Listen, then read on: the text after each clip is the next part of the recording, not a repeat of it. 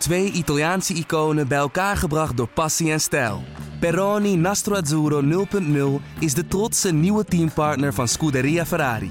Doe mee met ons en de meest gepassioneerde fans op het circuit, de Tifosi. Samen volgen we het raceseizoen van 2024. Salute, Tifosi! Dit programma wordt mede mogelijk gemaakt door Toto.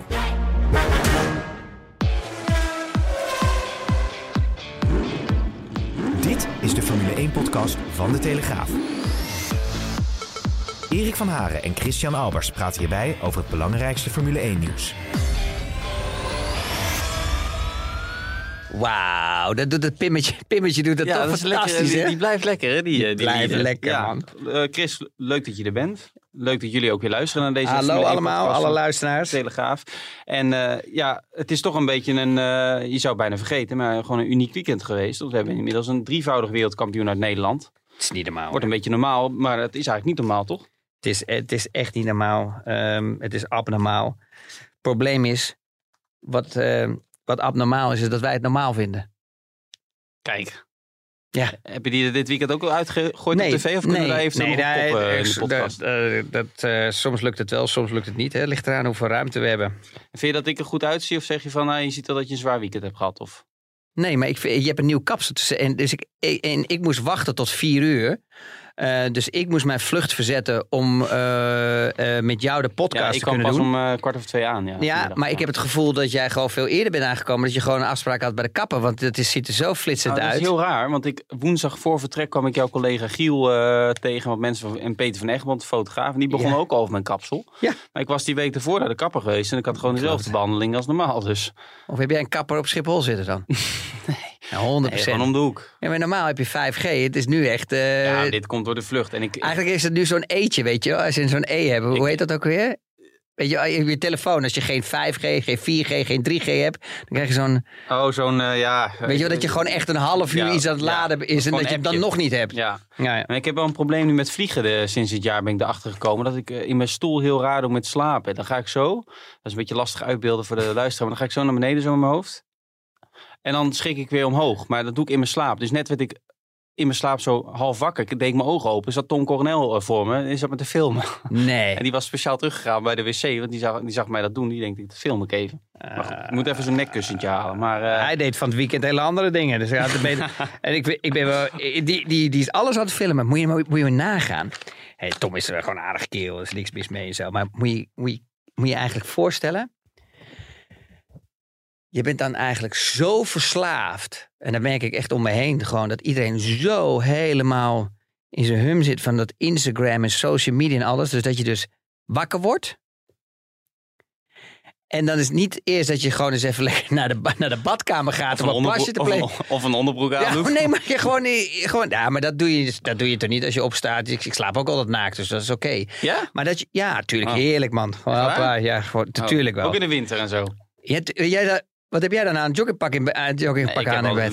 ik heb al eh, minimaal een boxer aan. Jij hebt, jij hebt er zeker nog zo'n kerstpak, heb jij? Daar slaap je het hele jaar mee, of niet? Met, met zo'n rendier erop, met zo'n kerstman. Ja, is, ik hoef niet bang te zijn dat hij, 100%. dat hij tegenwoordig uit hoeft te gaan in de nacht. Hè? Dus ik kan hem gewoon aanhouden. Nee, dat vind ik niet fijn. Maar dan moet je dus, moet je dus voorstellen. Dan stap je dus, dan word je wakker. En het eerste wat je doet is dus je telefoon pakken. Begin je al met filmen. Trek je de gordijnen open om dat te doen. Dan denk ik echt bij mezelf, ja, is, Ja.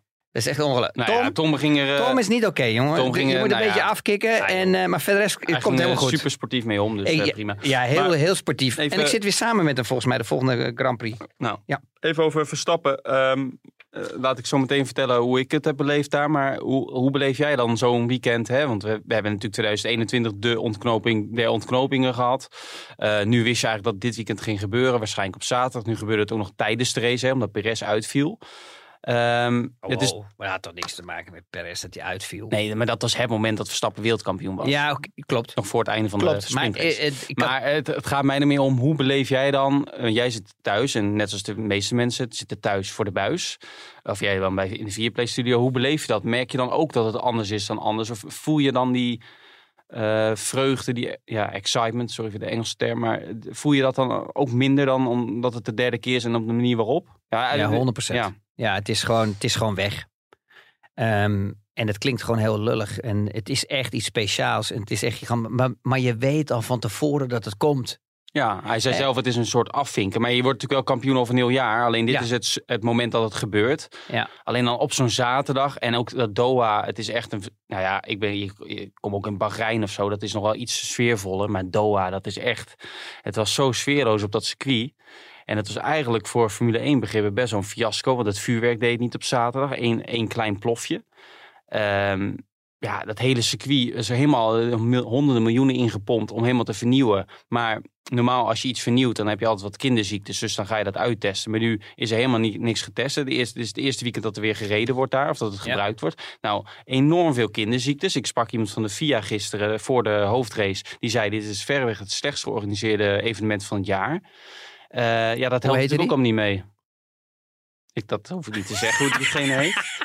Maar dat doen we ook niet. Maar, maar eh, anders, het anders zegt wel wat over... eh, en Verstappen is natuurlijk geen fan van die sprintraces. Maar ik vind het best wel... En had de Formule 1 heeft daar rekening mee moeten houden. Want er zijn zoveel sprintraces aan het einde van het jaar. Dat iemand kampioen wordt op een zaterdag. Een dag voor de Grand Prix.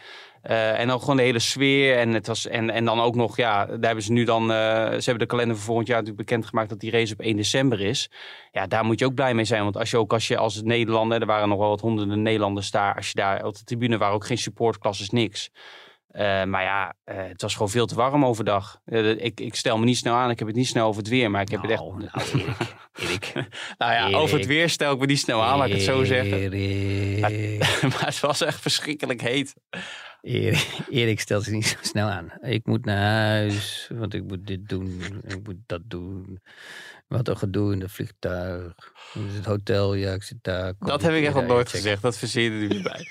Maar ehm, dat, is toch, dat is toch gewoon zo? Ja, nee, klopt. Nee, ik denk dat het gewoon een mix is van eh, heel veel factoren, wat, wat eigenlijk een beetje ja, de sprankelijkheid ervan afhaalt en de euforie gewoon ja, een beetje wegwaait. En dat komt omdat je al weet dat hij kampioen gaat worden. Dat komt omdat hij gewoon compleet geen competitie heeft gehad. Ehm, voor mij is het, moet je eerlijk zeggen, ik had niet zoveel last vorig jaar en het jaar daarvoor ehm, met dit item. En het item is dan ook, ik vind nu echt dat het een keer tijd wordt dat hij gewoon een serieuze teamcollega naast hem komt te zitten. Als het alleen al gewoon voor af en toe een klein beetje strijd hebben. Ik weet dat Max de overhand zou hebben, maar het is wel leuk eh, voor de kijker thuis. Hè? Een beetje die, die strijd. Dus dat, mis, dat, dat begin ik nu echt te missen. Ik begrijp niet hoe Red Bull, Christian Horner en Dr. Marco zich nog steeds kunnen verdedigen in een situatie die nu gaande is. Hè. Als je gaat bekijken hoeveel carrières ze eventjes bijna de nek omgedraaid hebben, omdat die niet presteren. En eh, dat meneer eh Perez, die ehm, ook heel veel goede jaren heeft gekend. Dus laten we dat voorop Ik brand hem niet helemaal af. Maar ik bedoel, hij was ook sterk in bepaalde seizoenen Mhm. waar je zegt wauw. Maar je merkt nu dat hij gewoon of hij heeft een tik gehad. Ja, Of de druk is er afgegaan omdat hij een contract heeft kunnen tekenen. Hè, dat hij daarvoor nog geen contract had, waardoor de bepaalde gezonde druk bij hem toch meer als sportman naar boven kwam. Ja, weet je, het kan ook een combinatie zijn van alles bij elkaar. Maar in ieder geval één ding is zeker, er is iets gewoon goed mis. Ehm, als jij volgend jaar een auto bouwt die niet zo competitief is, niet zo sterk is, ja, dan heb je als Christian Horner en Dr. Marco wel een probleem. Want dan kan je niet blijven zeggen van ja, maar in de race rijdt hij wel naar voren. Want dan heb Dat je namelijk ja, maar dat valt ook wel mee. ja, dat valt heel tegen. Ik bedoel, kijk, kijk naar het van het weekend. Als je nou het verschil ziet. Die Russell wordt er afgereden door Lewis Hamilton. By the way, grote eh, misstap van Lewis. Ook Ja. kan je weer zien, Formule 1. Het zijn allemaal momentopnames. Zevenvoudig wereldkampioen. Eh, stuurt toch iets te vroeg in. Zo'n Russell gaat er vanaf. Die komt weer met een kapotte auto kapot, eh, terug naar de pits. En maakt de pitstop. Rijdt weer naar buiten. Staat helemaal achteraan. En rijdt dan gewoon eigenlijk in de hele race Perez gewoon compleet zoek. En je ziet dat Perez dan gewoon niet die agressiviteit heeft en die vechtlust om naar voren te gaan. Ja. Maar hoe kan het dan ook, jij als oud-coureur zijn, zo'n Perez, we hebben natuurlijk heel veel weer met die track limits, hè? jouw favoriete onderwerp, eh, hebben we het over gehad dit weekend. Drama. Dan rij je er eh, eh, drie, vier keer hè, dan, eroverheen. ze krijgen die straf. Maar dan, daarna krijg het nog niet voor elkaar om binnen lijntjes te blijven kleuren. Natuurlijk, die track limits zijn aangepast. Eh, hij zegt, ja, mijn auto is gerepareerd zaterdag op zondag. Ik heb een iets andere auto. Misschien zit ik ook wel te laag. Want in Oostenrijk had ik het ook al zo, eh, had ik er ook al eh, veel last van. Maar dan is er één coureur die zondag tijdens de race geen één keer die track limits heeft. En dat is Max Verstappen. Maar waarom kan hij het dan wel? En is die Perez is vijf, zes, zeven keer gaat hij de fout in.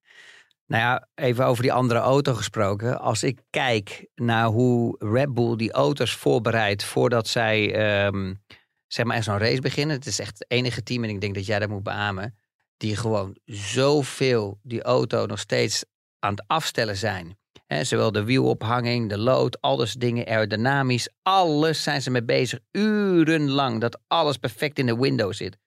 Kan ik me niet voorstellen dat het een compleet andere auto is. Ten tweede, je hebt gewoon bepaalde punten in een monocoque zitten waar je je stoel in vastschroeft. Ja, die kan je niet. Het is niet zo, zo dat je zo bij de gamma komt met een klusjesman. Die eventjes even erin gaat boren. En dan even een beetje schroefdraad erin tapt. En denkt van nou, dat kan namelijk niet, natuurlijk Mhm. niet in een monocoque. Dus daar zit er natuurlijk al aluminium punt in. Dus het lijkt mij stug, eh, tenzij ze gedacht hebben... oké, dit is een auto voor Verstappen. Hè, dat hij misschien andere punten heeft. Maar dat lijkt me echt stug. Dat, Nee, dat maar is als, niet je, zo. als jij, als dat zo zou zijn, waarom zou je dan als coureur zijn bijna elk weekend precies dezelfde setup, dus precies dezelfde afstelling pakken als, als je teamgenoot, terwijl eh, jou, jij, of in ieder geval zijn omgeving en zijn vader zei dat pas, zegt van ja, die auto ligt hem niet. Dan ga je toch iets anders proberen? Ja, maar het is ook een stukje angst. Hè? Het is een stukje van eh, zekerheid proberen en dan weten van oké, hij doet die rondetijden mee. Dus ik kom dan wel redelijk, ook al ben ik langzamer, kom ik wel in de buurt. Maar dat is dus niet het geval. Dus ik denk dat ook, eh, dit is ook eh, de bevestiging. ehm, dat als je gewoon van 17 races al acht keer eh, niet in die Q3 komt. Dat je een keer gewoon het roer om moet gooien. En dat je dan toch eens een keer moet gaan kijken van oké, kan ik die auto toch een beetje meer naar mijn hand zetten. En zowel niet alleen dat het bij Perez misschien dat geval is. Maar misschien moet het team dan ook wel eens een keer een beetje mee gaan helpen en gaan kijken. En ook eens een keer moet- hem moeten gaan forceren van luister eens. Dit, we zijn nu zoveel races verder. Dit werkt niet. We gaan een keer een andere richting op met jou. Hè, waar jij toch meer gevoel erbij hebt. Maar het kan ook zijn dat die auto alleen maar snel is. Hoe die nu afgesteld is. En Ja. dat hij daar niet mee kan, kan omgaan. En wat heel moeilijk uit te leggen is, ook aan, aan de luisteraars en aan, aan de fans, is natuurlijk. Als jij een auto hebt waar je geen vertrouwen in hebt, dan, dan, dan ben je theoretisch ben je dus zeg maar een halve seconde langzamer. Maar in de praktijk kan je wel een seconde langzamer zijn, omdat je gewoon geen vertrouwen hebt Ja. in die achterkant of in de voorkant. En, en dan ga je een beetje krampachtig rijden. En ja, dan, eh, dan ben je verloren. Maar het zou ook kunnen dat hij bijvoorbeeld meer onderstuur wil dan overstuur. en Dat je dat dan doet. Hè, als je zo Ja. de afstelling verandert. Maar dat je, dat je misschien prettiger voelt in de auto. Maar toch langzamer gaat. Ja. Dus eh, dat, maar dat dat, heb- klinkt tegenstrijdig. Maar dat is wel zo. Dat maar dat kan- heb je ook. Ja. Je, je- ik bedoel, eh, in mijn tijd was met de Minardi was er ook bijna niet mee te rijden. Maar dat was de enige afstelling dat je gewoon een halve seconde sneller was. ja. Als dat, en de topteams die hebben die luxe. Die hebben de luxe om een auto af te stellen dat die fijn rijdt. Omdat ze genoeg marge hebben. Maar ja, als je die niet meer he- hebt. Ja, dan moet je toch naar een afstelling gaan die gewoon het allersnelste is. En of die auto dan fijn rijdt of niet fijn rijdt. Ja, dat is eigenlijk helemaal niet meer belangrijk. Maar Eh, eh, terug te komen trouwens voor je track limits. Je hebt gelijk. Weet je, het kan een combinatie zijn voor gewoon niet gefocust. Moe te zijn ook. Weet je ja, wel. dat, is de- ja. dat hij toch eroverheen komt. Maar Ja, als je ziet hoe al die coureurs uit die auto kwamen. ja, Ehm, en ik, ik, kijk, we maken net een dolletje over, over dat weer. En, maar het is gewoon, denk ik, niet verantwoord om, om onder deze omstandigheden. Want zondag was de luchtvochtigheid ook gewoon veel hoger dan de andere dagen. Want als je, ik kwam om eh 12 uur s'avonds, half één s'nachts bij mijn auto. En er stond gewoon allemaal, eh, je, mo- je, je had, de hele rit had ik mijn eh, ruitenwissers nodig. En dat was niet omdat het regende, maar omdat er zoveel condens op die auto zat. Ja. Ehm, en als je een, kijk, die gasten zijn allemaal gewoon fit. Dat kunnen, want ze rijden ook in Singapore, in Miami, noem maar op. Maar als, als zelfs als zo'n Ocon, die heeft in ronde 15 was hij aan het overgeven zijn helm. Ja. Ja, dan is, en zelfs een Fernando Nou, Alonso nou zegt, begrijp ik wel waarom die zo slank is. Dat is echt niet normaal. Er zit geen grammetje vet op bij die Nee. kerel. ja, maar zelfs Fernando Alonso vraagt van kunnen jullie iets doen bij een pitstop op mijn, mijn stoel is zo heet. Ja, maar dat, komt, dat, dat heeft ook te maken natuurlijk dat die eh, computers eronder zitten. En die, en die produceren warmte. En dat, dat wordt normaal gekoeld natuurlijk door de lucht als je rijdt. Maar ja, Als je daar natuurlijk gewoon eh, met de föhn doorheen blaast door die auto, dan koelt het natuurlijk niet. Ja. Ehm, Maar, maar daar hadden ze iets beter over na moeten denken. Maar ook met alles met ook dat asfalt of die curbstones. En dat je dan moet bepalen na vrijdag moet beslissen van je, je mag maar 18 rondjes op, die, op één set banden rijden. Ja, het is allemaal niet. Het is allemaal geen reclame voor de Formule 1 en, voor, eh, en misschien ook niet voor Pirelli. Die trouwens deze week hun eh, nieuwe deal bekendmaken tot en met 2027 uit mijn hoofd. Dus Oh. die blijven de leverancier voor de, voor de komende jaren. Dus, maar ze hebben nog wat werk te verrichten. Ja, ehm, ik zag die coureurs. eh, je zag Alonso die zei, nou, er was nog één race die was nog een beetje heftiger. Dat was eh, dan ehm, in eh, Kuala Lumpur, hè, in Sepang. Waar ik ook gereden heb. Ja. Ja, ik kan alleen maar aan de luisteraar uitleggen. Het is ongelooflijk. Je hebt het gevoel dat je je, je versier wagenwijd open moet doen op het rechte stuk. Om lucht te krijgen. Maar die lucht is zo warm. Ja. Dat je het gevoel hebt dat je gewoon geen zuurstof krijgt. Dus je bent continu aan het happen van lucht. Dus je, je, je, je, je, hart die gaat steeds sneller. eh, ja, die gaat steeds sneller. Ehm, je, je, je hebt het gevoel dat je gewoon uitgeput raakt. En je gaat steeds verder dat versier. Maar op een gegeven moment heeft dat versier ook een keer stop. Want dan, dan komt alle viezigheid in je ogen. Ehm, dus het is, je krijgt ook een beetje een paniekerig gevoel bij. Eh, en dat is ook het hele rare ervan. Dus ja, ik kan me voorstellen dat die mannen gewoon echt helemaal kapot waren. En, en we hadden het gisteren ook even uit uh, over die uitzending met, met, met eh, Sargent. Ja, weet je, daar zijn altijd twee mogelijkheden. Aan de ene kant zeg ik altijd een echte sportman die, weet je wel, die heeft zo'n drive en zo'n vechtlust dat hij gewoon doorgaat tot hij er eh, bij neervalt. Ja, en, maar hi- hij bleek ook nog eens een keer in het weekend ziek te zijn en grieperig te zijn. Dus ik kan me voorstellen dat ze misschien toch angst hebben gehad dat hij, hè, dat hij compleet zou uitvallen.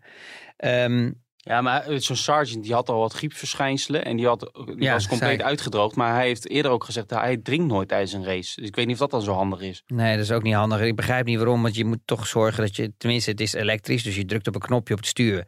En een, en een pompje die spuit als het ware het water gewoon in je mond. Hè. Dus je hoeft alleen je mond open te doen. Maar ja, misschien eh, is hij zo gefocust dat hij die mond dicht houdt... en dat hij dan denkt dat hij dan in zijn ogen spettert. Ja, dat Ja. is natuurlijk niet zo fijn. Uh, af en toe heb ik het idee wel bij hem dat dat gebeurt. Maar Nee, maar, ja, we- maar het komt, overkomt net hem weer, weet je wel. En hij Ja. gaat, er vliegt er zo vaak van af. En hij spint zo vaak. En dan heb je dit, ja, dit soort pech dan ook nog eens. Ja, kijk, het kan echt zijn dat hij eh, tegen flauwvallen aan was. En dat hij echt moest opgeven. Ja. Maar ja, een echte, weet je, een echte sportman of echte sporter... die, die, ja, die, gaat, die gaat door tot, eh, ja, dat hij gewoon niet meer kan. En dat is, het is heel moeilijk eh, uit te leggen aan mensen ehm, aan fans. Want eh, dan ben je gelijk eigenlijk ja, niet correct bezig. Ja, maar hoe kan je dat ja. nou zeggen? Ik denk wel bij zoiets van, zou Verstappen, ja, die rijdt dan vooraan. Dus misschien is dat dan iets makkelijk tussen haakjes. Maar die, die, ja, dat is, of een Alonso, die zie ik dat dan niet snel doen. Nee, maar dat is, bedoel ik ook uit te leggen. Ik kan alleen maar uitleggen van een, van een, van een, een kijk vanuit de sporter. En als je puur zang sporter bent, geef je nooit op. Al lig je been eraf of wat. Je Ja. blijft gewoon continu doorgaan. En Je hebt zo'n drive je hebt zo'n adrenaline. En dat is wat ik probeer uit te leggen. Dat dat, dat dat tegenvalt bij hem. Ondanks dat hij griep heeft. Want er zijn meerdere die vaak nog meer griep hebben gehad. Of wat, en dan toch doorrijden op uithoudingsvermogen en, en, en vechtlust. Ja, maar over Perez eh, gesproken. Kijk, ik denk, ik heb nog steeds het idee dat hij volgend jaar gewoon in die Red Bull zit. Omdat je kan nu Ricciardo er wel inzetten, maar die heeft pas twee races voor Alfa Tauri gereden op dit moment. Ehm, ik denk, maar ik denk wel, als hij het volgend jaar zo weer begint aan het seizoen, dat ze hem eruit gooien. Ik denk overigens sowieso, als ze hem er nu uit zouden willen gooien, dat ze het nog even nog niet doen voor de race in Mexico. Nee, Want dat dat, lijkt me me- nog niet heel verstandig. Maar Nee, maar jij gaat toch in die. eh, jij gaat in het groepje mee, toch? Met Jos en eh dokter Marco. En, eh, en eh, Horner niet, hè? Die kan gewoon lekker vliegen fluiten alleen, want die heeft niks verkeerds gezegd. Nee, ik die denk dokter Marco, Ja, nou, die, nou ja, goed, het is, je kan er, ik denk wel dat als ik al zie wat ik over me heen krijg op social media, dan kun je je voorstellen wat een Max Verstappen en zijn omgeving over zich heen krijgt. En Helmut Marko, ja, die heeft geen social media, maar los daarvan. Oh, die, zit- die zit in mijn groep. Die heeft ook geen social media. Lekker man. Ik dacht dat je aan een leeftijd eh Nee, ja, dat- refereerde. Maar, eh, nee, maar goed, kijk, het is allemaal social media. Dus het is allemaal, maar hoeft aan de andere kant of mij gek tussen te lopen. Dus ik denk dat daar wel eh, voorzorgsmaatregelen worden genomen. Ja, het is een beetje heftig allemaal. wel zeker. Ja, het is allemaal een beetje heftig. Maar ja, dat, weet je, dat is de, het is wel eens het, eh, het wordt wel eens genoemd het riool van de 21ste eeuw. En dat is Ja. het natuurlijk ook echt wel. Het, eh, iedereen heeft nu een platform te reageren en daarvoor doe ik het lekker niet. Maar die Mexicanen, veel daarvan, het is wel goed om te weten dat ze allemaal een abonnement op de Telegraaf hebben. Want ze weten allemaal precies wat ik schrijf. Dus eh Dat is top. blijkbaar lezen ze het wel allemaal. Ah, dat is toch een bron van inkomsten. Ja, Positief of negatief? Ik zie er zelf nog niet veel van terug, maar eh, wie weet. Ja, ik merk het wel hoor. Als, eh, als ik de rekening mag sturen, altijd naar de Telegraaf. Dus dat is, is Oh, dan moeten we zo misschien na, na afloop nog even nababbelen. Ehm, ik heb nog een vraag, die sluit al goed aan op het Perez. eh, ja, ik, sorry, ik ben net... eh ik heb die aantekening weer niet gemaakt. Nee, die amateur, eh, het amateurisme Ben je nou aan het zoeken? Ja, eh, we hebben Erik, zoveel te vertellen. Erik, dat is niet normaal. ehm, als jij nou teambaas was, dat Ja. ben je ook geweest, maar als je het nu weer zou... Nou, wat zou je hebben gedaan met Perez? Nou, dat is wel duidelijk, die zou je eruit gooien.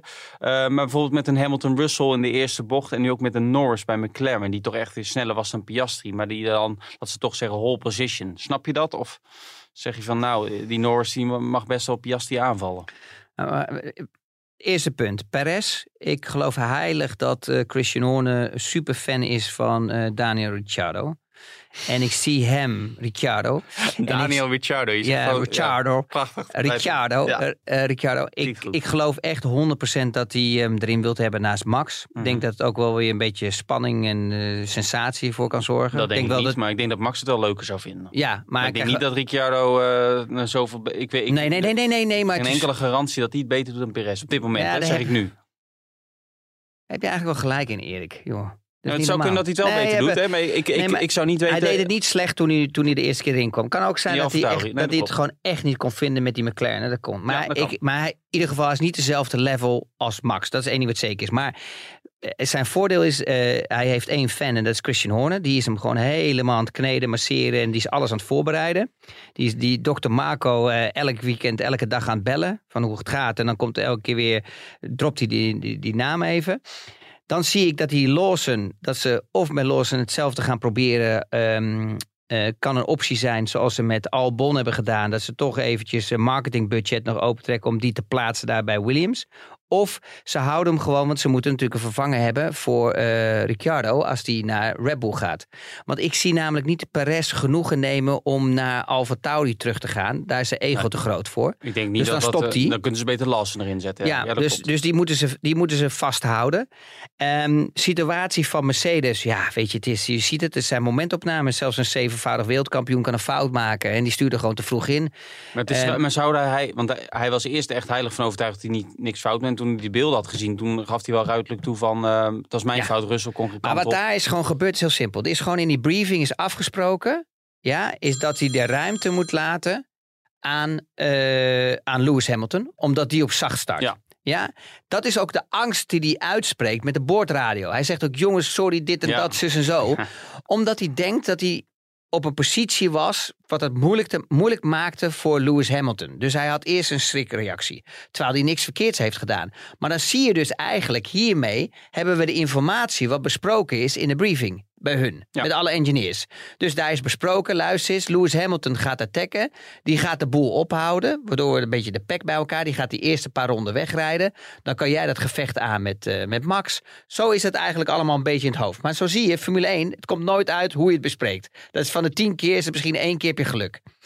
Dan eh, zie je natuurlijk eh Lewis, die komt met zijn reactie. Ja, die ziet dan daarna de beelden. Die ziet, oké, je luister eens, eh, hij kon geen kant op. Hij kon niet naar rechts, want dan zat hij in Max. Ma by the way, hebben ze nog geluk gehad. Want Max opende eigenlijk Mhm. niet eens naar, naar links om die bocht beter aan te snijden. Die denkt, ik hou mooi de binnenkant, waardoor ik altijd iedereen een beetje naar buiten kan drukken. Dat ik echt zeker weet dat niemand er ertussen stopt. Ehm, ja, en dan ziet hij op een gegeven moment het ongeluk. hè. En dan zegt hij op een gegeven moment van... Oké, eh Lewis zegt dan... Ja, sorry, dit was mijn fout. En dat niet meer dan normaal. Ja, dat Ja. kan gebeuren. Dan de situatie van McLaren Ja. en Piastri. Ja, eh, buiten kijf. Norris is gewoon de snellere coureur. Ehm, in qualifying was hij ook sneller. Maar hij was niet sneller, want je moet je ronde afmaken. Maar tot de laatste bocht was hij gewoon veel sneller als Piastri. Mhm. En had hij gewoon pole position kunnen halen. Dat heeft hij niet gedaan. Ja, en in de race was hij ook sneller. En in de race was hij niet een klein beetje sneller. Hij was gigantisch veel sneller. Maar wat je daar het verschil ziet, en dat is wel leuk, als ik dan, als ik dan de race analyseer, is zie je dat Red Bull een compleet andere strategie heeft qua eh, bandenmanagement. Als bijvoorbeeld de McLaren's. De McLaren's gaan gelijk attacken. Gelijk boem, er bovenop. Maximaal vragen van de banden. Elke ronde gewoon vol erbovenop. Terwijl Red Bull heel rustig aandoet en die banden een beetje meer comfort geven, een beetje meer lucht geven, een beetje rustiger aandoen. Dus, en je merkt eigenlijk dat die twee allebei werken. Want ik vond het tot tegenvallen, de drop die er was bij McLaren. Want die- ze bleven best wel goed presteren tot het eh, einde. En natuurlijk zit er nog steeds verschil in qua auto's. In de long runs, de, de, de Red Bull is nou eenmaal nog steeds sterker. Maar je had ook races, bijvoorbeeld, bijvoorbeeld de race daarvoor. Merkte je gewoon dat de Red Bulls te snel aan het aanzetten waren. Ja. En die dan ook echt helemaal wegvielen Ik gewoon. vond Verstappen op die derde stint was dat denk ik. Die harde band vond ik wel heel eh, snel. Toen liep hij ook flink uit. Alleen daarna, eh, ik denk dat hij net iets... Ze wachten best wel lang met zijn laatste pitstop. Ja. Eh, omdat ze misschien nog bang waren, voor, of niet misschien, omdat ze nog rekening hielden met, eventueel met de safety car. En die laatste stop was ook niet zo snel, hè? 4.1 Nee, was die geloof nee, ik. Ja. Trouwens, McLaren had de snelste stop ooit, hè? 1,8 ja, niet normaal. 1,8 Dus hè? dus dat kan gewoon weer met die regels. Ik kreeg er nog een vraag over van Mr. Bobo. Hey! Eh, dat is een, een vraag die we pas ook een keer een beetje gekregen. Want ehm, ehm, dat ging om... oh nee, Mr. Bobo had een andere vraag. Nou ja. Oh.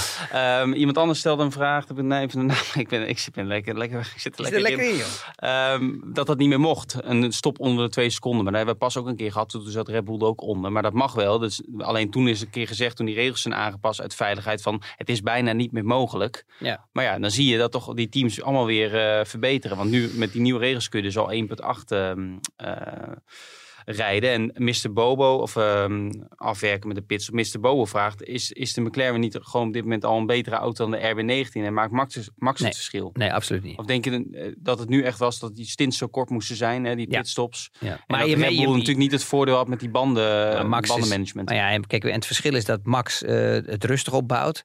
En die McLaren's gelijk volle bak gaan.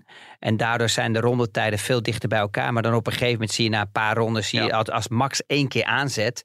Ja, dan is het ook gelijk een halve seconde. Hè? Had nog veel over. En Ja. GP zit hem natuurlijk veel eh, ja, terug te, terug te... te pushen. Ja. Ja, en die, ik, ik sprak GP zaterdagavond even. Die stond er op zijn eigen, eh, met de handjes in de zak, een beetje naar het feestgeluid eh, te kijken. Die is zelf niet zo van eh, de voorgrond, hè. Nee. Ehm, maar ik zei ook van, ja, Max heeft eigenlijk altijd een weerwoord. Ook vrijdag tijdens de training aan het einde, toen, eh, oh, die 10 minuten training op zaterdag, vanwege die tracklimp. Dus dat hij dan zegt van, eh, kun je bocht 6 tot en met 16 nog even rijden? En dan vraagt Max van, ja, waarom? Waarom dan? Maar ja, dan zegt GP, ja, dan is het toch handig om nog even de baan te verkennen of zo. Maar dan moet hij altijd uitleggen waarom hij dat zegt. Dus je hebt altijd die discussie tussen die twee. Het blijft wel, eh, wel een mooi spektakel, vind ik. Maar dat die, ik vind dat toch wel een mooi team hoor. Die Lambiassen en die, eh, al die engineers rond Max. Die vier vaste engineers rond Max. En dat vind ik het mooie aan Verstappen wel. Die, die waardering die hij ook gelijk uitspreekt naar hen. eh, na zo'n kampioenschap. En hoe hij dat onder woorden brengt. Maar ook richting zijn familie en zijn manager.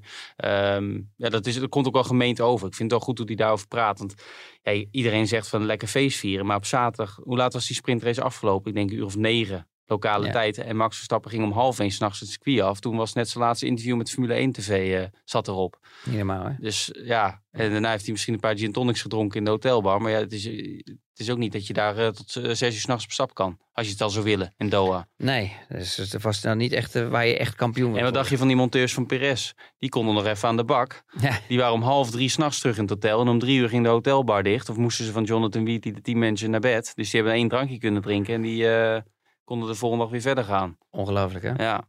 Ja. Maar ja, goed. Wat vond je van die crashrace in de sprintrace met Hulkenberg en Ja, hij wie kon zat er nog meer bij? Ocon? niks aan doen. Dat is, dat is gewoon, eh, dat, dat, ja, daar kan je hem niks voor kwalijk nemen. Hij, hij zat daar gewoon op, eh, op een goede plek. Hij zet hem ernaast. Ja, en dan krijg je natuurlijk weer eh, Ocon die, ehm, ja, die hem oplijnt naar buiten. Waardoor Hulkenberg in een sandwich komt. En ja, die, die klapt dan in, ehm in Perez. Ja, daar, kan hij, daar kon hij niks aan doen. Is je verder nog wat opgevallen? Eh, Over de tracklimits trouwens. Want eh, Stefan Verkerk die zegt, ja, de tracklimits, dit laat toch zien dat het juist wel goed, want de VIA zat er bovenop. Maar hij legt niet echt uit waarom hij dat dan vindt. Nou Ehm, ja, ik ben er gewoon helemaal klaar met die track limits. en dan ben ik eigenlijk al twee seizoenen, drie bijna. Ehm, het slaat gewoon helemaal nergens op. Want als je het gewoon opheft, ja, er is ergens namelijk overal een einde hoe ver je naar buiten kan rollen. Want er komt een moment als je te ver gaat dat je weer te veel snelheid verliest. Dus, want dan maak je de bocht te wijd. Dus eh, een lang verhaal kort, als je het gewoon opheft, dan denk ik dat het zich voor zichzelf voor- vanzelf gewoon helemaal oplost. Ja, ik dacht trouwens dat, maar dat ben ik helemaal verkeerd, eh, dat, dat dat gemeten werd ook met sensoren en zo. Nee, Maar dat is dus allemaal eh, mensenwerk. En in, in veel circuits heb je een beetje, heb je misschien twee, drie zones waar je goed op tracklimits moet letten. Maar in Doha waren het er acht. Dus er zitten er gewoon mensen per zone, zeg maar, op een scherm alleen maar te kijken. En als het overduidelijk is, dan zeggen ze dat gelijk van eh, over de limiet. Maar als er een twijfel is, moet het naar Niels Wietig, de wedstrijdleider. Ja. Kijk, er was best veel kritiek op dat Piastri dat interview eh, na de sprintrace, dat hij toen, of na de kwalificatie, wat was het? Ja. Dat hij werd teruggehaald, dat hij zijn plek verloor. Eh, maar dan kun je eigenlijk, de schuld moet je eigenlijk geven aan de Formule 1 dat ze dat interview al starten. Want de FIA kan dat nooit zo snel doen als het mensenwerk is. Want er moet nog ingetikt worden, er moet nog... eh, en dan duurt het nog even voordat het op beeld te zien is. Ja, oké, maar er waren maar, er waren maar twee, eh, zijn maar vier rondjes. Hè? Het is niet heel veel, hè? Er zijn maar tien auto's. Dus het was wel oké. eh, Ja, maar als je daarna, als je het nog moet checken, als Wietig het nog moet checken. Als Ja, het nee, een- nee, begrijp en, en het moet nog ingetikt worden. En als het ingetikt wordt, komt het bij ons gelijk Ja, op het probleem begint bij, die, eh, bij, bij, bij de FIA. Ja, bij de sorry, met alle respect, als Ja, we ja. gewoon stoppen met die nonsens, dan is het ook het probleem heel snel opgelost. Want je wilt namelijk niet te veel de bodem be- beschadigen. Dus je krijgt dan alleen maar dit soort situaties, misschien met de qualifying. En dan houdt het gewoon op. Want Ja. als je die bodem beschadigt, dan, dan verlies je gewoon zoveel downforce. Dat je zoveel gestraft wordt, dat je er vanzelf wel vanaf blijft. Ja. En ergens, als je eruit accelereert uit een bocht. Op een gegeven moment komen die uitloopzones, die moeten weer komen naar het circuit toe. En zo ver kom je helemaal niet, want dan verlies je ook weer te veel snelheid. Dus weet je, het houdt vanzelf op. Ze ze zijn ermee begonnen en ze hebben gewoon geen flauw idee. En dat valt me ook zo tegen. Want volgens mij zitten er een paar oude coureurs daar, maar ik weet niet waar die dan gereden hebben. Want het- je, je zou toch gewoon zelf op het idee kunnen komen? Je bedoelt bij de stewards? Of, eh, Ja, bij de FIA. Oh ja, ja. Dat is toch heel makkelijk gewoon? Ik begrijp niet waarom dat gewoon niet goed opgelost wordt. Ja, ik sta er echt van versteld, moet ik je eerlijk zeggen. Ja, het is wel jammer, want eh, eh, eh, laten we blij zijn dat zondag de uitslag van de race snel duidelijk was. En anders kregen we weer zo'n Oostenrijk fiasco. Maar weet je wat de grootste fout was? Was die interviewer. Die interviewster. Ja, die, was dat Naomi Schief? Ja, ik weet het niet. Het, het was. Ik weet het niet eens meer. Vrijdag. Ik denk Naomi Schief. ja, maar die vond ik juist gewoon echt het heel stom doen. Sorry, met alle respect. Oh. Ja, oké, ja, sorry. Ja, je bent er toch niet bij. Kan je even. eh, Ja, doe dat dan, eh, zeg dat dan niet. Nee, maar dan zeg je zo eh, balen. Ik zeg het nog even zo balen, zeg Oscar. Ja, dat, het, dat nu toch je tijd afgenomen is. Maar je hebt supergoed qualified. Maar het was gewoon van ja, kan je even ruimte maken nu voor iemand. Dan denk ik echt, joh, wat gaat dit nou? En die Lewis, die was, had zich net even lekker ingesopt. Die stond al in het, onder de douche. Ja, en die had het net zo'n zo'n zo'n badmusje. Want die heeft natuurlijk allemaal van die eh, haren die helemaal in gevlochten Dreadlocks. zijn. Dus die, dus die, hebben, die heeft natuurlijk zo'n eh, zo'n shower de, maskertje op- of zo'n showermutsje opgezet. Ik vond Piastri zaterdag zondag wel leuk bij die interviews. Dat hij zei van... ja, ik dacht dat je me kwam vertellen dat ik weer een straf heb gehad. Maar Ja, wel- leukste, de beste vond ik eigenlijk gewoon het interview op zaterdag van Stroll. Ja, die was top. lekker eh, die lang, was lang top. van stof. Hoe was het? Shit. Eh, dat, eh, I don't care. Ja. Het was weer echt de En hij oude duwde zijn visio nog. eh, Ja, Ja, Maar- ik moet wel zeggen, als ik hem ook eh, zie lopen. En want er gaan wel eens geruchten, ook eer- al voor dit weekend, dat hij er een beetje klaar mee is. Maar ja, als je hem niet goed kent en je ziet hem lopen, dan denk je ook dat, het, eh, dat de laatste dag eh, bijna aanstaande is. ik weet het niet. Het ik kan weet ook de uitstraling zijn, hè? maar hij zit er niet lekker in. En die Aston Martin eh, is sowieso natuurlijk niet eh, het- Nee. Meer de Maar- auto van het begin van het jaar. Nee, maar je, je, je moet natuurlijk niet vergeten, dat als Alonso een beetje vooraan stond, stond hij zesde, zevende. En nu staat Alonso natuurlijk een beetje Ja. achtste, negende. En dan valt hij natuurlijk ook verder terug. Ja, en die andere teams hebben natuurlijk misschien juist goede stappen gemaakt. Of niet Ja. misschien, die hebben Ja. goede stappen gemaakt. Ja, ja. Maar, kijk, eh, als ik, als ik terug ga kijken. Het kan ook zijn, weet je, dat die auto toch een beetje van zijn setup wegvloeit. En dat je dan ook wel wat moeite krijgt. Het, het, zijn allemaal, het is zo moeilijk om dat zomaar te bepalen. En het zijn zulke momentopnames dat je meerdere races nodig hebt. Of een seizoen nodig hebt om iem- iemand in te kunnen schatten. Ehm, maar ik zie hem niet zo snel stoppen. Alleen je ziet gewoon bij hem heel veel eh, het, het lijkt of dat er heel veel desinteresse is, maar ik weet nou niet of het echt zo is. Ik vind wel wel dat je soms echt wel eens gas kan geven. En dat, eh, dat, dat zeggen ze ook in het team. Hè. Als ik met eh, Andy spreek of wat dan ook, Steven, dan zegt hij ook van, joh, luister, er zijn, er zijn momenten waar, we, waar we Alonso kijkt en, en fronst en ze- en denkt van, hoe kan hij in godsnaam zo hard door zo'n bocht heen gaan, weet je wel? Dus, dus hij heeft wel mo- momenten, hij moet ze alleen aan elkaar plakken en dat, eh, en dat is eh, blijkbaar niet eenvoudig. Ja, wat vind je van de, ook een beetje een gespreksonderwerp of een beetje in de paddock nu met Andretti als eventueel of de team. De FIA heeft dan nu de goedkeuring daarvoor gegeven, maar goed, eh, nu is de Formule 1 aan zet en dat proces gaat echt nog wel een paar maanden duren. Ik heb zelfs het gevoel dat het niet doorgaat, maar Zou jij dat eh, go- goed nieuws vinden of boeit het Ja. je überhaupt? Aan de ene kant is het leuk om nog meer auto's te hebben. Maar ik denk dat er echt heel veel eh, problemen zijn qua infrastructuurs met pitboxen. Dat soort dingen allemaal. Dat wordt natuurlijk echt een drama. En, Eh, en, en dan denk je aan, eh daar denken heel veel mensen natuurlijk niet over na, maar wat dacht je van op circuits met die pedalclubs, Ja, dat is een drama. hospitality, Ja. en dan moeten ze daar ook weer in schikken. Ja, dat klinkt heel gek, maar dat, dat is ook zo. Maar ik, als ik even goed mijn oor te luisteren heb gelegd, denk dat ik het wel heb gedaan. Dat de Formule 1 gaat het proces wel gewoon doen. Alleen, ja, kijk, de Formule 1, als er elf teams zijn, dan moet de buiten dus gewoon verdeeld worden door elf, niet door tien. Ja, dat En dan is de kans komen. eh, aanwezig dat een team als Haas of Williams, dat die omvallen. En dat wil de Formule 1 niet hebben. Nee, en het is ook helemaal niet eerlijk. Kijk, het is heel simpel. Je moet het heel simpel kort houden. Die teams die er nu allemaal rijden, die hebben ontzettend veel geld geïnvesteerd. Ook in de tijd voordat de budgetcap eh kwam. En, En- in de tijd dat de Formule 1 niet zo booming was. Correct. En die hebben heel veel verlies gemaakt. Er zijn jaren daarbij. hè, Kijk naar Williams, eh, zijn failliet gegaan, is overgenomen door andere partijen. Kijk naar eh, Lotus vroeger, eh, wat eh, eh, Renault weer is geworden. Ze zijn allemaal gekomen, eh, ze zijn gegaan, ze zijn weer gekomen. En ehm, het is heel simpel. Als jij zoveel geïnvesteerd hebt als team zijnde en zoveel verlies hebt gedraaid, dan is het gewoon niet fair en eerlijk als iemand anders komt die gelijk met een reglement te maken heeft, die van dag één eigenlijk eh, eh, in principe gelijk zwarte cijfers kan draaien. In plaats van rode cijfers. Ja, en dat is gewoon niet fair. Nee. En, dan- en, als, en, en dan geef ik ze groot gelijk. Dus aan, aan, aan de ene kant zeg ik voor de fans, voor ons fantastisch. Meer auto's, meer vreugde. Maar als ik echt zwart-wit ga bekijken, gewoon aan fair, gewoon eerlijk te zijn. Ja, dan kunnen ze dat echt niet maken. En dat vond ik eigenlijk al met de situatie met Racing Point. Toen met Vijay Malja. Mhm. Dat is ook niet netjes verlopen. Want dat was ook niet fair en eerlijk. Want in principe was dat team eigenlijk failliet gegaan. En dan, en dan eh, of je moest alle schulden overnemen. En dan kan je nog steeds meedoen in die prijzenpot. Dat is niet gebeurd. Ze hebben nieuwe, nieuwe company zijn ze opgestart. Daar hebben ze alles weer overgeheveld.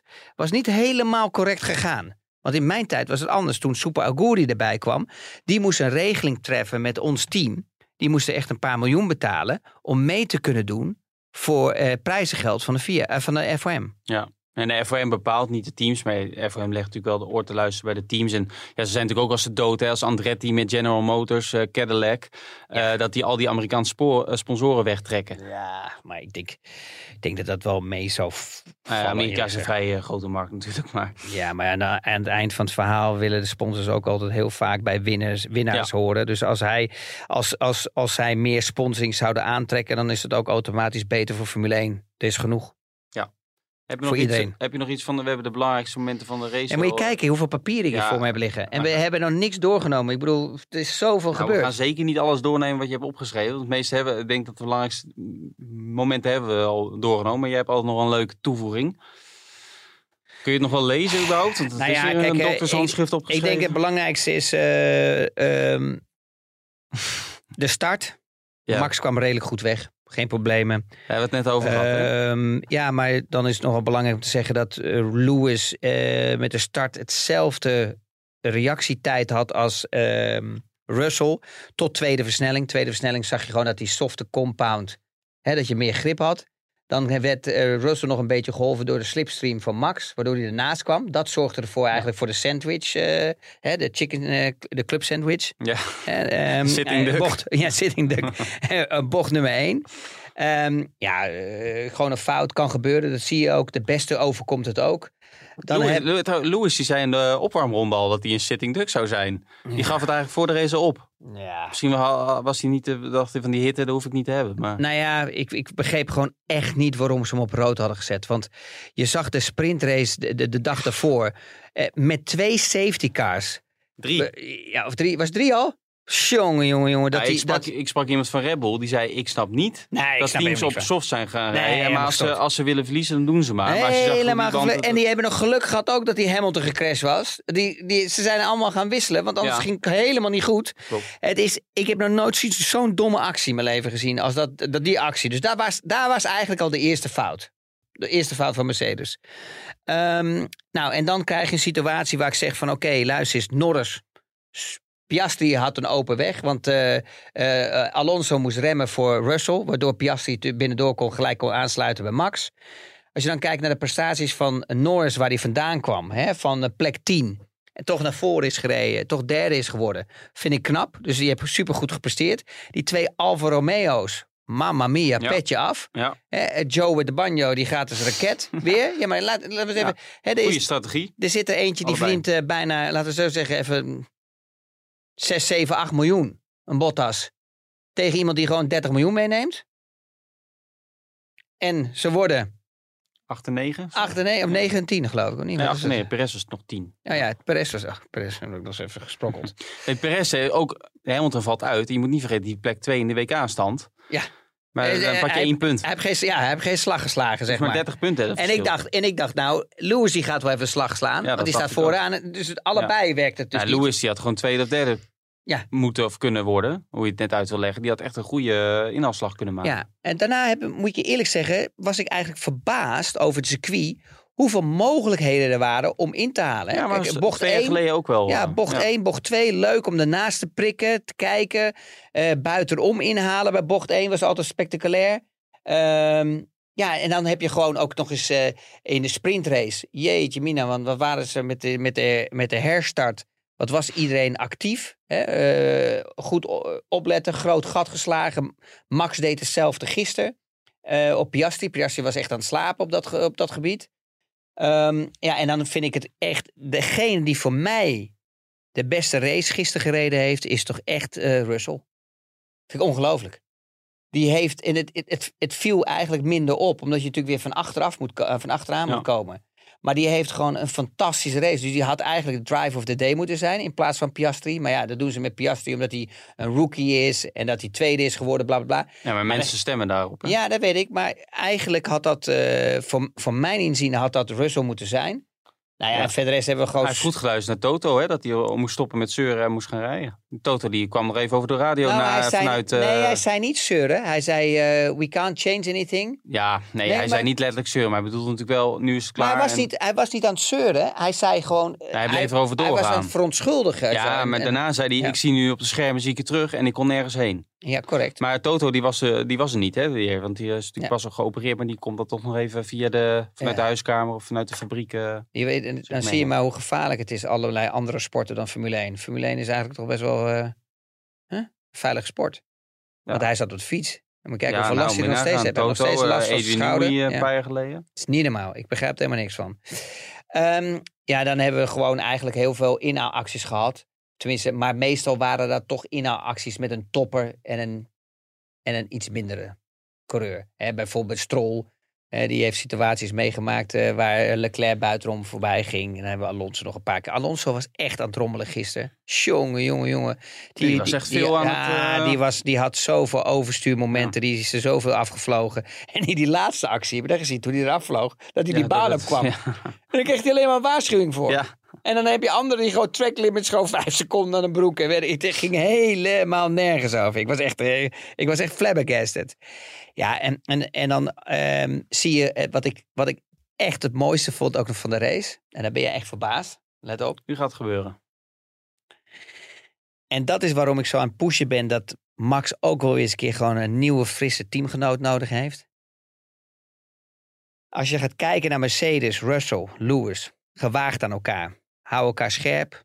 Blijven, bleven, bleven normaliter uit elkaars eh, vaarwater qua crashes en zo. Maar dit is dan de eerste.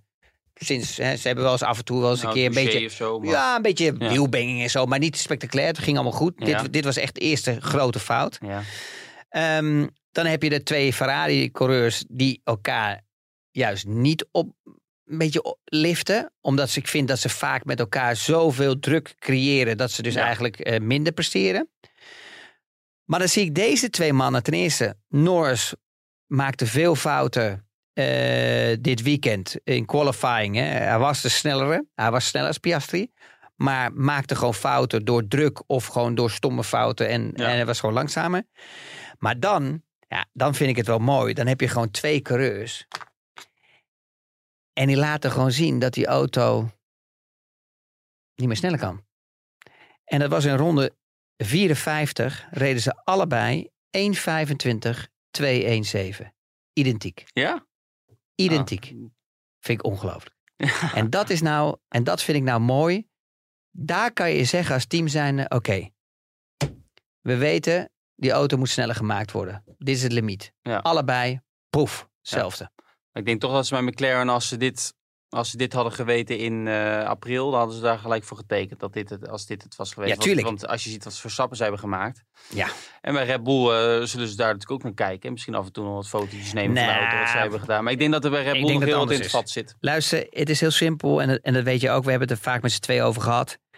Ehm, we kregen eerst een situatie met eh, Dan Vellows. Gaat hij daar weer... Nee, maar dat is zeg je nee, dat elke week, maar dat maar dat- je ziet nu, maar kijk nou eens eventjes Ja. waar nu Aston Martin staat. Ja, Da- en McLaren eh, met Rob Marshall, denk ja, ik. nee, maar, ja, maar, Ja. Maar, maar het gaat om de, om de timeline. Dus eh Den Vellows is veel eerder gekomen. Is natuurlijk aan het einde van het seizoen vorig jaar gekomen. Die, die heeft natuurlijk alle informatie, alle, alle informatie in zijn aktekoffertje meegenomen. Maar die kan niet meer verder doorontwikkelen. Dus de vraag is, is die, was die het beste van die groep? Hè? Onder Adrian Mhm. Newey. Was, die, was hij wel een slimme kop? Nou, dan krijg je een situatie waar Rob Marshall halverwege door een seizoen eh, vertrekt. Dus die heeft meer updates in zijn hoofd zitten. En een richtlijn waar ze naartoe moeten. En dan zie je in één keer dat, dat, dat McLaren een gigantische stap heeft gemaakt. En nou komt het interessante. Wat gaat er gebeuren volgend jaar? En, dan, en waar mijn interesse ligt is... Wat is het verschil tussen die twee personen? Als je Rob Marshall pakt en je pakt Dan Fellows. Waar zit nog, dat je zegt van, Ja. waar zit de brain? Waar zitten, waar zitten, de, waar zitten de hersens? Ja. Hoe goed was die en hoe goed functioneerde die in dat team van Adrian Newey? ja, alleen kun je dat nooit zo... ehm, Is moeilijk, is moeilijk, Eh, want het gaat om het team eromheen. bij-. Want het gaat ook om wat heeft Red Bull daarna nog in de pijplijn zitten en doorontwikkeld. Nu zeg je weer Edwin Newey, maar dat is niet de man die de auto bouwt. dat- en, eh, ja, die Pierre die, is, die, die schijnt echt de, de, de juf van het te zijn. Maar, ja, maar daarom, eh, jij zegt het nu met een sarcastische onder, maar dat is Pierre Waché. Alleen die houden ze bewust misschien, en dat is ook de persoon daarna een beetje op de achtergrond. Edwin Newey is natuurlijk de grote levende legende. Alleen, ja, als je het bij de mensen die het weten bij Red Bull vraagt, is Pierre Waché de grote man achter die auto. Ja, maar je bent het met me eens dat als iemand gewoon eh, zeven maanden of acht maanden later een, overstop, eh, een, een, een overstap maakt naar een team, dat hij meer informatie mee kan nemen als acht maanden daarvoor. Dat klopt. En dat zie je nu, en dat zie je nu hier heel is duidelijk in de resultaten. Je ziet Ja. nu McLaren, bam, daar vooraan. Ja, en je hebt natuurlijk Alston heeft natuurlijk ook, is ook wel een beetje teruggefloten. Hè? Die hebben natuurlijk die vleugel aan moeten passen. Ja, maar toch. Maar toch. Maar toch, ja, nee, klopt. Klopt, interessant. Ja, dan zijn we er wel doorheen, denk ik, hè? Ja, Ik, ga, ik ben blij dat de temperatuur iets lager ligt. Maar eh, het was ook wel leuk dat ze dan in, binnen in zo'n mediacentrum in Doha... dat daar dan de temperatuur zo'n 16, 17 graden is. Dat je een, een dekentje krijgt bij aankomst. ongelooflijk. En dat je dan naar buiten komt en het gevoelstemperatuur richting de 50 graden gaat. Maar dat zou ook heel gezond zijn overal. Maar eh, dat ook weer terzijde. Ik heb Ja, en, eh, maar er zit ook geen beleving in. Hè? Je moet ook wel een avondrace hebben. Want er is gewoon, het- als je daar kijkt, gewoon overdag, is het gewoon droevig natuurlijk. Wat Nou ja, ik reed Van bovenaf, we kregen zo'n shot vanaf de helikopter of zo. ja. Ja, dat ziet er gewoon niet uit. Dus je moet het wel s'avonds kwam, rijden. ik, ik was twee jaar geleden waar ik zat met mijn hotel, was toen nog een bouwput voor dat WK. Dat is wel heel mooi geworden. Maar als je dan naar het circuit rijdt, dan zie je niemand op straat. Dat is veel te heet. Maar ook zondag toen ik naar de, naar de race, eh, of naar het circuit reed, toen was het gewoon bijna, dat is dan weer een werkdag voor die mensen daar. Dan eh, had je niet het idee dat er een Grand Prix was. Klopt. maar ja, er waren 120.000 kaarten verkocht. Maar ik denk dat veel mensen niet zijn opkomen dagen. Maar ik heb ze niet allemaal gezien in ieder geval. Nee. Goed. Eh, Chris, dankjewel voor je tijd. We zijn er over twee weken weer. Dan zit ik nog in eh, Amerika. Dus dan eh, doe ik het even vanaf afstand. Oh, gezellig man. Ik blijf daar, hè. dat is Austin, Mexico. Oké. Nou, Dan doe ik hem ook van afstand. Gezellig. Ik zit wel in de studio trouwens, maar dan... Oh, nou daar hebben we het al. We zijn er in ieder geval over twee weken weer. Bedankt voor het luisteren, Chris. Bedankt voor de Bedankt luister. voor je tijd en bedankt tot de voor het volgende luisteren. keer. Doei doei. Doeg. Dit programma werd mede mogelijk gemaakt door Toto.